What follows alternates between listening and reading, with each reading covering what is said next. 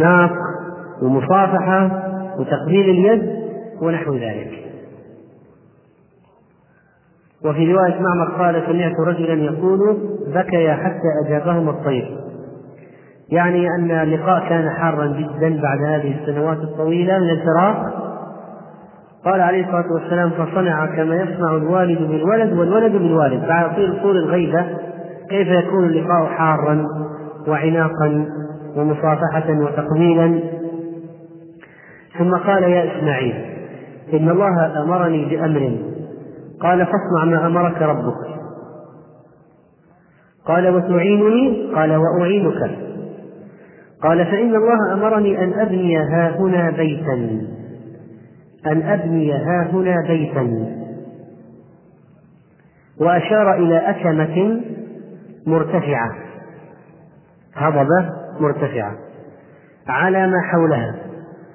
قال فعند ذلك رفعا القواعد من البيت فجعل إسماعيل يأتي بالحجارة وإبراهيم يبني.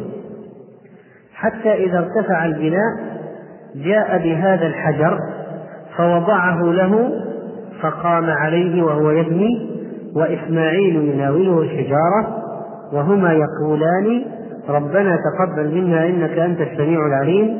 قال فجعل يبنيان حتى يدورا حول البيت. يبني ويدور ويبني ويدور. رفعه حتى يدورا حول البيت وهما يقولان ربنا تقبل منا إنك أنت السميع العليم. فبلغ فقيل إن إبراهيم بلغ من الأساس أساس آدم وجعل طوله في السماء تسعة أذرع وعرضه في الأرض ثلاثين ذراعا. ارتفاع البيت وعرض البيت والحجر داخل البيت طبعا. الآن الحجر خارج البيت خارج البنيان كما قلنا في تفصيل القصة في المرة الماضية. إن الحجر الآن هو جزء من الكعبة لكنه خارج البيت. وأما إبراهيم الخليل لما بناها كان الحجر هذا كله داخل البيت. وكان إبراهيم يقوم على المقام الذي جاء جاء له به ولده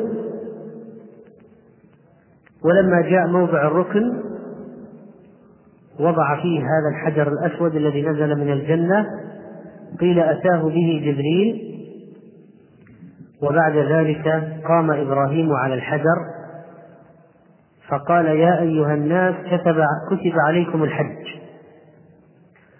فأسمع من في أصلاب الرجال وأرحام النساء. فأجابه من آمن ومن كان سبق في علم الله أنه يحج إلى يوم القيامة لبيك اللهم لبيك. قال ابن حجر روى الفاكهي من إسناد صحيح من طريق مجاهد عن ابن عباس. يعني بعد ما انتهى إبراهيم بناء البيت نادى وأذن في الناس بالحج. نادى من مكانه بدون مكبرات بدون شيء ولا إذاعة. نادى من مكانه. يا أيها الناس كتب عليكم الحج. فالله عز وجل تكفل بإبلاغ صوته إلى الناس كلهم في الأرض في ذلك الوقت. سمع صوته كل أهل الأرض. وليس فقط ذلك وإنما أسمع الله من في أصلاب الرجال وأرحام النساء فأجابه كل من كتب الله له أن يحج إلى يوم القيامة. قائلين حتى اللي في أصلاب الرجال حتى اللي ما خلقوا بعد أجابوا لبيك اللهم لبيك بقدرة الله عز وجل. هذه قصة بناء البيت العتيق القصة هذه فيها فوائد كثيرة جدا. نذكر بعض هذه الفوائد. فمن ذلك أولا الحرص على سؤال العلماء وأن العلم يضيع يفقد لموت العلماء. وأن سعيد بن جبير لما قال سلوني فإنه يوشك أن تفقدوني إنه كان يعني ما يقول. وأنه يجوز للعالم أن يقول للناس سلوني ويجيب بما علمه الله والذي لا يدري عنه يقول الله أعلم. في هذا الحديث أيضا أن الغيرة بين النساء تقع حتى بين الصالحات. تقع حتى بين الصالحات. سار مع أنها حرة وهاجر أمة لكن صار عندها سار غيرة من هاجر وهاجر أنجبت وسار ما أنجبت. تأخر إنجابها. حتى أنجبت إسحاق تأخر. أنجبت هاجر إسماعيل. حصلت غيرة. من حكمة الزوج هذه من الدروس المستفادة أن المباعدة بين الزوجتين حل من حلول الغيرة. المباعدة بين الزوجتين حل من حلول لمواجهة الغيرة والغيرة من شأن النساء وأن غيرة المرأة لا تقدح في صلاحها إذا لم تتعدى حدود الله وأن المرأة يغتفر لها من الغيرة ما لا يغتفر لغيرها لا يكلف الله نفسا إلا وسعها. أحيانا تكون المسألة خارجة عن إرادتها. لما جيء للنبي عليه الصلاة والسلام وهو عند عائشة بطبق بصحن إناء من طعام من إحدى زوجاته. عائشة بمجرد ما رأت الإناء مجرد ما رأت الإناء قالت في بيتي ترسله في بيتي أخذت الإناء ورمته في الأرض انكسر النبي عليه الصلاة والسلام بكل حكمة لملم الطعام وجمعه وأخذ فلقتي الإناء وقال كلوا غارت أمكم. يعني عائشة أم المؤمنين. كلوا غارت أمكم. وأخذ من بيت عائشة إناء أرسل به إلى تلك بدل المكسور. واحد بواحد. وقال كلوا غارت أمكم. ولا عنف ولا شتم ولا سب ولا هجر. فإذا وكذلك عائشة رضي الله عنها لها رضي الله عنها مشاهد كثيرة. تظهر فيها غير شديدة لها وغارت من خديجة مع أن خديجة ميتة. خديجة ميتة. ماتت قبل عائشة بدهر ومع ذلك تقول ما غرت من امرأة عن امرأة ما غرت على من خديجة. وكانت تقول ما تريد من عجوز حمراء الشدقين قد أبدلك الله خيرا منها. كل شيء خديجة وخديجة. خديجة قال إنها كانت وكانت وكان لي منها ولد. فالغيرة تقع حتى بين كبار الصالحات من أولياء الله. وهكذا وقع بين إبراهيم بين سارة وهاجر غيرة. لكن المهم ما هو تصرف الحكيم للزوج؟ هو الذي يضع الأمور في نصابها رأى إبراهيم بحكمته أن يباعد بينهما. وضع سارة في الشام وهاجر في مكة. كذلك في هذا الحديث أن الإنسان لا يضيع أهله مع أن إبراهيم مأمور بأن يضع زوجة هاجر في مكة. الله أمرك بها قال نعم أمر من الله. لكن مع ذلك وضع عندها جرابا من تمر وسقاء فيه ماء ولما ولما ولى وابتعد عنهم دعا لهم الله عز وجل. فمسؤولية شعور الأب شعور الزوج والأب بمسؤوليته نحو زوجته وولده. هذا الذي يجعل الأمور تسير سيرا حسنا. أما إذا كان الإنسان مهمل كما هي عادة بعض الأزواج لا لا يحسب حساب زوجته ولا أولاده. وربما أنهم يأخذون الطعام من الجيران من الجيران أو لا يجدون شيئا في البيت ولا الطعام ولا حتى الخبز. يسافر ولا يترك لهم لا مال ولا أكل. فهذا من تقول إحدى النساء يعني هو يأتي إلى البيت بنماذج يعني نماذج. آه، مثلا عينات. الأكل تقول الأكل في البيت عينات يعني. تنتهي بيومين يقول ثلاثة أيام يقول هذا عشار وربما أنه لا يجد طعاما في البيت يأكل في المطعم يترك زوجته جائعة. في ناس عندهم طباع عجيبة يعني. البخل والإهمال في البيت في غاية في أسوأ ما يكون. إبراهيم الخليل ترك جوابا من تمر وسقاء من ماء ودعا الله لهم كذلك في هذا الحديث الثقة بالله تعالى. لا تجوز الثقة بالنفس وإنما الثقة بالله. ويظهر إيمان هاجر لما قالت له الله الذي أمرك بهذا. قال نعم. قالت إذا لا يضيعنا. قالت إذا لا يضيعنا. وفي رواية قالت رضيت بالله. وهذا ما ي... هذا لا يتم الكلام هذا إلا إذا كان في إيمان قوي بالله عز وجل. وإلا فإن الإنسان ربما ينهار ويموت ويجن ويصاب بما يصاب به. لكن الذي يثق بالله تعالى وبأمر الله ما دام الأمر من الله إن الله لن يضيعهم لأن لا يمكن أن يقول لإبراهيم ضعهم في مكان حتى يموتوا من الجوع. لا يفعل ليس ليس لا ليس هذا من حكمة الله. ولذلك أمر إبراهيم أن يضع أن يضع زوج هاجر وإسماعيل في مكان يترك.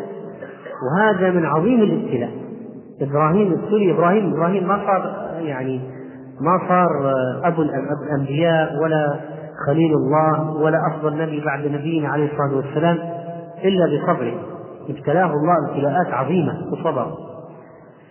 كل واحد يترك زوجته وولده في واد غير ذي زرع. ما في أحد ويمشي وقلبه متعلق بالولد ويؤمر بتركه ويمشي. هذا ابتلاء عظيم. ولا يصبر عليه إلا من رزقه الله الصبر وهذا درس آخر. وابتلاه الله بذبح هذا الولد. ابتلاه الله بتركه وهو رضيع. تركه في صحراء ما في أحد. ولما كبر وبلغ معه السعي شب ابتلاه الله بذبح ولده. وفعلا فلما أسلما واستسلما لله وتله للجبين وقلبه على وجهه ليذبحه من القطع حتى لا يرى ألم آلام إسماعيل على الوجه وهو يذبح. فربما يتردد. تله للجبين قلبه؟ وبدأ في الذبح وإذا بالله تعالى يبطل مفعول السكين وناديناه أي يا إبراهيم قد صدقت الرؤيا وبعد ذلك فداه الله بذبح عظيم. وشرعت لنا الأضحية. بسبب إبراهيم شرعت لنا عبادات. الحج من إبراهيم بناء البيت من إبراهيم. والسعي بين الصفا والمروة من من هاجر من هاجر أمة إبراهيم. وزمزم من إبراهيم.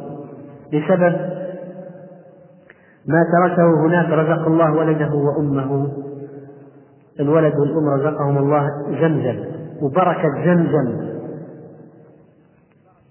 والأضحية. سيرة خليل إبراهيم عليه السلام. وكذلك في هذا الحديث من الفوائد. السعي في الأسباب. لأن هاجر لما انتهى ما عندها قالت لو ذهبت فنظرت لعلي يحس من أحد وذهبت وطلعت الصخر وطلعت المروة سبع مرات.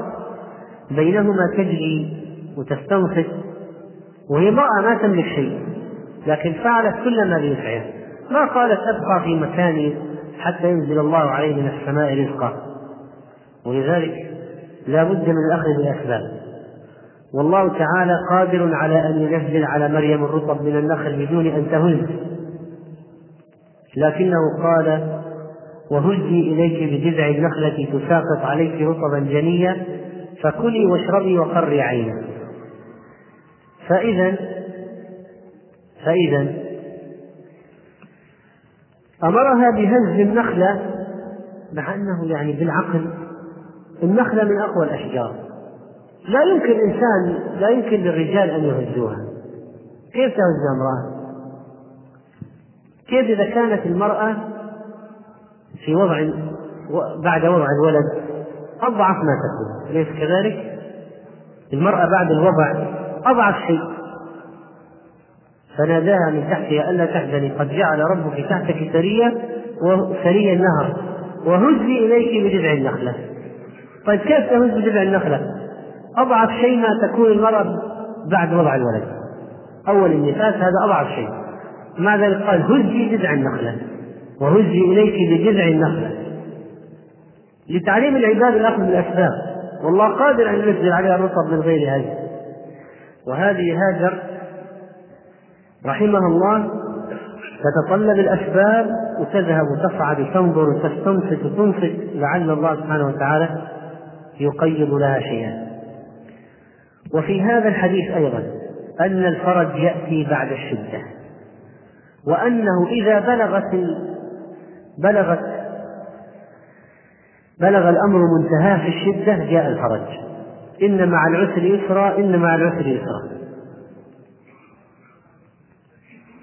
والإنسان إذا وصل إلى حالة يأس جاء الفرج من الله. وجاء الفرج من الله وجاء الملك. ما هو بعد المرة الأولى ولا الثانية بعد المرة السابعة. وتعب سعي الإنسان المجهود بين الصفا والمروة. تصعد جبل وتنزل جبل سبع مرات وتصعد جبل وتنزل جبل. وتجري في الوادي جري في الوادي. وجاء بعد ذلك الفرج. وهذه من عادة الله تعالى أن يأتي بالفرج بعد أن يقول الرسول والذين آمنوا معه متى نصر الله؟ ألا إن نصر الله قريب. وكذلك في هذا الحديث. أن حرص الإنسان ربما منعه من مزيد من الخير. الحرص الذي في بني آدم إنسان في ابن آدم ربما منع من مزيد من الخير. ولو أن أم إسماعيل تركتها لكانت عينا معينا لا يمر يمشي جاه نهرا جاريا يمشي. وكذلك فإن في هذا الحديث أن راعي الأسرة راعي الأسرة من حكمته أن يكتم القلق عن أهله. قد تكون عنده أسباب وبواعث للقلق كبيرة.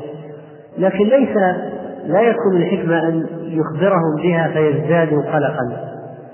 فهذا إبراهيم متى دعا؟ لما ترك ترك أهله وانطلق حتى إذا كان عند الثنية بحيث لا يرونه استقبل بوجه البيت دعا. ولو أنه رأته يدعو وهو يعني يظهر الحاجة ربما ازدادت قلقا. لكن أخفى عنهم ذلك. وهذا أيضا من إخلاقه ولكن عندما يتماسك أمامها ويظهر لها التجلد ثم إن إبراهيم لما مشى ما ما رجع إلى الوراء ما رجع إلى الوراء وإنما وإنما انطلق انطلق وذهب حتى أن ذهبت وراءه وما أدركته إلا عند كذا. وكذلك في هذا الحديث أن الله سبحانه وتعالى يقيض لصاحب النية الحسنة من يعينه ويؤنسه ولهذا قيض جرهم قبيلة كاملة لأجل هاجر يؤنسوها وينزل عندها. والماء لها وهي تعطيهم الماء وتأخذ منهم مقابل أشياء. وكذلك في حنان الأم حنان الأم وعطفها البالغ لما رأت الولد يتلبط ينشغل الموت ما استطاعت أن تستحمل هذا المنظر وراحت تبحث عن حل ورجعت تطمئن وما تحملت وراحت وهكذا. وبعض النساء اليوم تترك الولد عند الخدامة ولا تدري عن شيء. هو صاحي هو نايم هو جائع هو شبعان. هو به مرض به مرض هو صحيح أو غير صحيح أو حي أو ميت ما تدري عنه عند الخدامة عند الخدامة. فأين هذا من هذا؟ ولذلك قال النبي صلى الله عليه وسلم خير نساء ركبن الإبل صالح نساء قريش. أحناه على ولد في صغره. من ميزات صالح صالحات نساء قريش أنهن أحناه على ولد في صغره. من ميزتهن الحنان على الولد في صغره. والآن مع وجود الخادمات ووجود الصف بالأسواق والمناسبات والزيارات بعض النساء فعلا فرطنا في الأولاد. فلذلك لا تدري عن خبر ولدها إلا كما يدري البعيد عن البيت. وعهدنا بالأولاد إلى الخادمات ولذلك صار من القصور في التربية. وحتى الشفقة والحنان التي هي مدعاة وسبب للاستقرار النفسي عند الولد قل جدا. الآن من الأسباب من أسباب الدراسات الطبية تقول وتثبت أن المرأة أن لبن المرأة ضم المرأة للولد إلى صدرها ومناجاتها له وهو صغير رضيع من أسباب التي تشبع غريزة العطف والحنان هذا. إظهار العطف والحنان من أسباب الثبات والاستقرار النفسي للولد. وترك الولد تضييعه هذا ما يسبب نشأته من الصغر على حال من فقدان الحنان وفقدان الاستقرار النفسي. فتنشأ الاضطرابات النفسية عند الأطفال منذ سن مبكرة. والسبب ما هو؟ ترك الولد والذهاب للأسواق والمناسبات. وعند الخادم الولد والحليب صناعي لأنها تريد أن تحافظ على شكلها ومنظرها. الله سبحانه وتعالى يقول فإن أراد فصالا عن تراض منهما وتشاور يعني لا يجوز للمرأة أن تفصل الولد دون مشاورة الأب مشاورة أهل الخبرة. عن تراض منهما يعني من الأبوين. وتشاور مشاورة أهل الخبرة. ما هو على كيف الأم تفصل الولد؟ في أي وقت تريد؟ لا. فإن أراد فصالا يعني فصام الولد عن تراض منهما اثنين وتشاور بعد ذلك تفصل الولد. وحليب الولد معروف كم هو مهم له حليب الأم مهم للولد ولذلك هاجر رحمه الله لما جلست عند ولدها كانت تأكل وتشرب وترضع ولدها. قال في الحديث فجعلت تشرب من الشنة ويجر لبنها على صبيها. وفي هذا الحديث الأخذ بالقرائن والإشارات وأن جرهم عرفوا أن هنا ماء من نتيجة رؤية الطير الذي يحوم.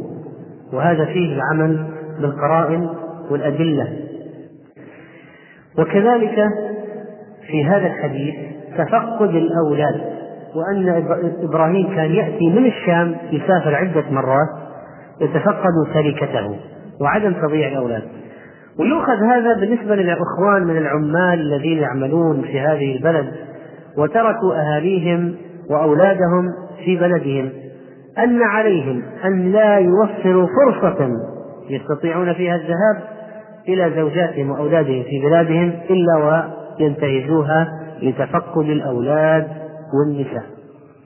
لأن المرأة إذا تركت يا أخوان فإن تركها لوحدها سنة أو أكثر بعيدة عن زوجها أول شيء يشعرها بالخوف المرأة تشعر بالأمان مع الزوج بدون زوج كيف يكون وضعها؟ أيضا ربما احتاجت إلى الناس ومدت يدها واحتاجت إلى الناس. ما عندها أحد يأتي لها بالأغراض وبالأشياء. وثالثا ربما يكون في مدعاة للفساد خصوصا في هذا الزمان وكم حدثت من كوارث. ثم الولد الأولاد إذا كبروا ما في أب الأب يعمل في السعودية صحيح. لكن الأولاد كيف ينشأون؟ لذلك بعض الناس يرجع يحصل ولد وصار يدخن وصار يستعمل مخدرات واللي صار نعم. واللي صار يعني يعمل المنكرات لأن ما في ما في أب. لا يوجد أب بجانب الأولاد. صحيح المادة مهمة لكن أيضا بقاء الأب بجانب الأم والأولاد أهم. فعلى الإنسان أن لا يوفر فرصة إلا وينتهزها. ولا يجوز للإنسان شرعا أن يترك زوجته أكثر من أربعة أشهر أو ستة أشهر إلا برضاها. إذا قالت أنا ما أرضى تتركني أكثر من أربعة أو ستة أشهر فعند ذلك لها أن تطلب الطلاق. أو يرجع إلى زوجته. نعم إن هناك صعوبات تكون في بعض الأحيان ليس للإنسان فيها يد. يريد أن يجتمع بزوجته ويأتي بزوجته لكن يحول بينه وبين ذلك عوائق لا يكون له يد فيها فيشكو أمره إلى الله ويأخذ بأقل المفاسد. كانت أقل المفاسد أن يبتعد أن يكون أن يعمل بعيدا عنهم يعمل وإن كان أقل مفاسد أن يذهب إليهم يذهب. وربما كان العيش على شيء من الضيق وهو مع أهله وأولاده خير من توفير ثمن أرض أو بناء وهو تارك لي يعني الراعي بعيد عن الرعية. كذلك إسماعيل عليه السلام كان يخرج ليصيد وهذا يؤخذ منه سعي الزوج لإعطاء العائلة والأولاد والأهل حقهم والقيام عليهم. بعض الناس كسلانين بعض الناس يقول لزوجته اذهبي واشتغلي أنت. ويأخذ راتب الزوجة ونايم. في ناس كسلانين فعلا الواحد تقول له إيش مدخولك؟ يقول راتب زوجتي. ما شاء الله. وأنت وين؟ وين فهناك أناس يعني من كسلهم أنهم يعيشون على مرتبات زوجاتهم. كسلا. لو أنه ما وجد وظيفة لو أنه حاول كان قلنا معذور. لكن أن يكسل ويجلس هذا إسماعيل عليه السلام يبري النبل ويذهب ليصيد يخرج يبتعد مسافة يأتي فيها أبوه ويرجع ما رآه. ذهب يصيد. كذلك في هذا الحديث الحث على انتقاء الزوجة الصالحة القنوعة التي تعرف النعمة وتشكر الزوج. ولذلك المرأة الأولى هذه قالت نحن بشر نحن بضيق نحن في كذا تشتكي. هذه امرأة امرأة سيئة الخلق. ولا أكرمت الغريب ولا أكرمت ولا ولا قدمت خدمة ولما جاء غريب إليها شكت زوجها إليه. إيش هذه المرأة التي تشكو زوجها إلى الغريب؟ لو شكت زوجها إلى أبيه وهي تعرف أنه أب كان قلنا إنها تريد حلا في نطاق الأسرة والعائلة. لكنها تشكو زوجها إلى الغريب هذه ما فيها خير جهة من جهة حق الزوج ما ولذلك أمره أن يطلقها. هنا نأتي إلى مسألة وهي ما هو الحكم الشرعي فيما لو أمر الأب أو الأم الإذن بطلاق زوجته. هل يجب عليه الطلاق أو لا؟ لو أمر الأب أو الأم الولد بطلاق زوجته هل يجب عليه تنفيذ الأمر؟ ولا يكون من عقوق الوالدين إذا رفض.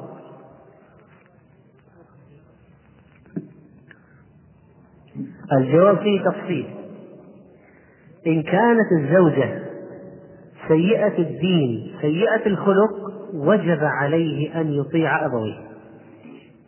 مثل إسماعيل لما إبراهيم رأى سوء خلق زوجته قال غير عتبة بابك فإذا كانت المرأة الزوجة سيئة الخلق هذه حالها تتبرم وما يعجبها شيء تشتكي زوجها إلى الأغراب. ولا عندها كرم ولا عندها. فهذه تغير. مثلا زوجة لا تصلي زوجة ترى المنكرات زوجة تقول شوف يا أنا يا التلفزيون يعني جيب لي تلفزيون اجلس معك ما جيب لي تلفزيون اضرني لك عيال وأمشي. يعني هذه عندها استعداد أنها تضحي به وبأولاده من أجل التلفزيون. طيب هذه وين وين السكينة جعلكم من أنفسكم أزواجا لتسكنوا إليها؟ أين السكن والسكينة والإيمان؟ مفقود. فربما يكون له من الخير أن يطلقها. ما يحتفظ بامرأة مثل هذه. هذه ستكون وبالا عليه وجحيما في الدنيا قبل جحيما في الدنيا. وإذا كانت سيئة الدين ربما تكون عليه أيضا جحيما في الآخرة لما تجر عليه من المعاصي والمصائب. أما إذا كانت المرأة حسنة الدين حسنة الخلق جاء الأب قال لولده طلقها ليش؟ قال ما تجيب لي حذائي؟ أنا أدخل البيت ما تجيب حذاء تمشي وراي يا سلام. والآن أنا أطلق الزوجة وأخرب البيت وأشرب الأولاد لأن ما تجيب أخي الحذاء وتمشي وراك ففي بعض الآباء عندهم عقد نفسية وعندهم عناد وعصبية وعندهم عنجهية وكأنه هو ما لا يبالي يعني أن الولد يخرب بيته وأسرته تتفكك لأن مزاج الأب أن لابد الزوجة تمسح عليه وتحمل عليه. ولذلك ما يطاع الأب في مثل هذه الحالة. وشيخ الإسلام ابن تيمية رحمه الله لما سئل سؤال مشابه عن امرأة تأمر ولدها بطلاق زوجته مع أن الزوجة صاحب الدين قال هذه من جنس هاروت وماروت. هذه الأم هذه من جنس هاروت وماروت. ليش هاروت وماروت؟ فيتعلمان فيعلمان ما قال الله سبحانه وتعالى ويتعلمان يتعلمون ما يضرهم ولا ينفعهم وقبل إيش قال؟ ما يفرقون به بين المرء وزوجه هذا السحر ولذلك هذه المرأة تقول أنا غضبان عليك إذا ما طلقت زوجتك أنا غضبان عليك. ليش؟ سبب تافه. أو تقول بس مجاز لا تناقشني طلق هذه من جنس هاروت وماروت فما في جواب. ولذلك لما جاء واحد لعمر الخطاب قال إن أبي يأمرني بطلاق امرأتي. فسأله عن امرأته وحال امرأته ثم قال لا تطلق. قال إن إبراهيم لما قال لولده طلقها طلقها. قال حتى يكون أبوك مثل إبراهيم. حتى يكون أب... حتى يكون أبوك مثل إبراهيم. لما يصير أبوك مستوى إبراهيم في الحكمة وبعد النظر وميزان وزن الأشياء ميزان الشرع بعدين ذاك الوقت تطبق الكلام. فإذا هذا هو الحكم بالنسبة إذا ما قال لولده طلق زوجتك. طلقها. تعتمد على دين المرأة وخلق المرأة. وكذلك في هذا الحديث من الفوائد أيضا أن الإنسان مدني بطبعه وأن الإنسان الوحيد المنعزل هذا إنسان غير غير عادي غير طبيعي. ولذلك ألفى أم إسماعيل وهي تحب الإنس فنزلوا وبطبيعة الحال وافقت أن يكون عندهم. وفيه كذلك أن العربية الفصحى كانت من كانت من نطق إسماعيل الذي ابتدأ بها إسماعيل عليه السلام. وكذلك في هذا الحديث أن بعض العلماء استدلوا على أن الإنسان لو قال غيرت عتبة بابي أن إذا قصد الطلاق أنه طلاق يعني من ألفاظ الكناية الطلاق له ألفاظ صريحة. لو قال أنت طالق هذا صريح. لو قال أطعمتك حنظلا هذا كناية محتمل هذا. يحتمل الطلاق يحتمل عدم الطلاق. فالمرجع فيه إلى إيش؟ نية الشخص. لو قال أطعمتك خبزا ما يحتمل الطلاق طيب. احتجبي مني احتجبي مني ها ما هو هذا؟ يحتمل الطلاق ولا ما يحتمل؟ يحتمل الطلاق طيب. غيرت عتبة بابي بناء على هذا الحديث فهو لفظ يحتمل الطلاق. من الكنايات. من الكنايات. وكذلك فيه طاعة الوالدين في الخير لما قال أمرني أن أفارقك الحقي بأهلك فطلقها. وكذلك الإنسان عليه أن يستبدل بدل بدل الخبيث يأتي بطيب ولا يجلس من غير زواج بعض الناس يطلق زوجته فعلا فيها شر ثم يجلس عزبا بدون زوجة وهذا خطأ. إسماعيل عليه السلام فطلقها وتزوج أخرى. مباشرة.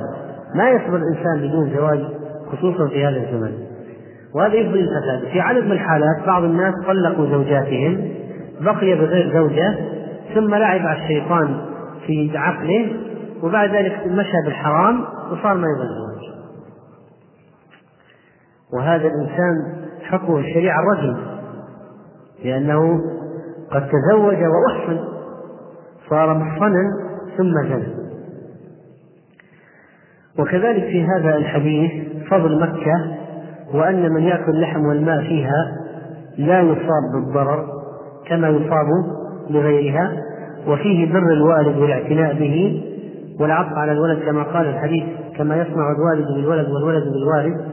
وفي هذا الحديث كذلك التعاون على البر والتقوى. لأنه قد أعان أباه على بناء البيت الحرام وكذلك مساعدة الأب في العمل فإنه إسماعيل يأتي بالحجارة وإبراهيم يبني ولما ثقل ولما ما استطاع أن أتاه بالمقام الحجر قام عليه وصار يبني فما هو مقام إبراهيم؟ الحجر الذي وقف عليه إبراهيم حتى يعتلي ويبني. كان المقام ملصقا بالكعبة. والناس يصلون خلف المقام واتخذوا المقام إبراهيم مصلى في عهد إبراهيم الخليل في عهد عمر الخطاب رضي الله عنه صار في ضيق. اشتد الزحام كثر الحجاج كثر الطائفون. فاستخار عمر الله عز وجل مع الصحابة أن يؤخر الحجر عن مكانه إلى الخلف حتى يمكن أن يمر الطائفون والناس يصلون خلف المقام. وفعلا هذا ما حصل وأخر الحجر هذا المقام مقام إبراهيم. كان ملتصق بالكعبة. إبراهيم كان يقف عليه ويبني. أخر إلى الخلف وصار بعيدا عن جدار الكعبة. عليكم بسنتي وسنة الخلفاء الراشدين المهديين من بعدي. وفي الحديث كذلك أن الإنسان إذا عمل الصالحات يبقى على وجه أن الله لا يقبل منه وليس أن يغتر بعمله. ولذلك في الحديث قال وهو يناوله الحجارة وهما يقولان ربنا تقبل منا إنك أنت السميع العليم. إذا الإنسان إذا عمل أعمال صالحة فإنه يسأل الله القبول. الحديث فيه فوائد كثيرة ونكتفي بهذا القدر منها والآن أظن تأخر الوقت فيبدو أن لابد من تأجيل الأسئلة إلى الليلة القادمة. إن شاء الله والله أعلم وصلى الله على نبينا محمد. أيها الإخوة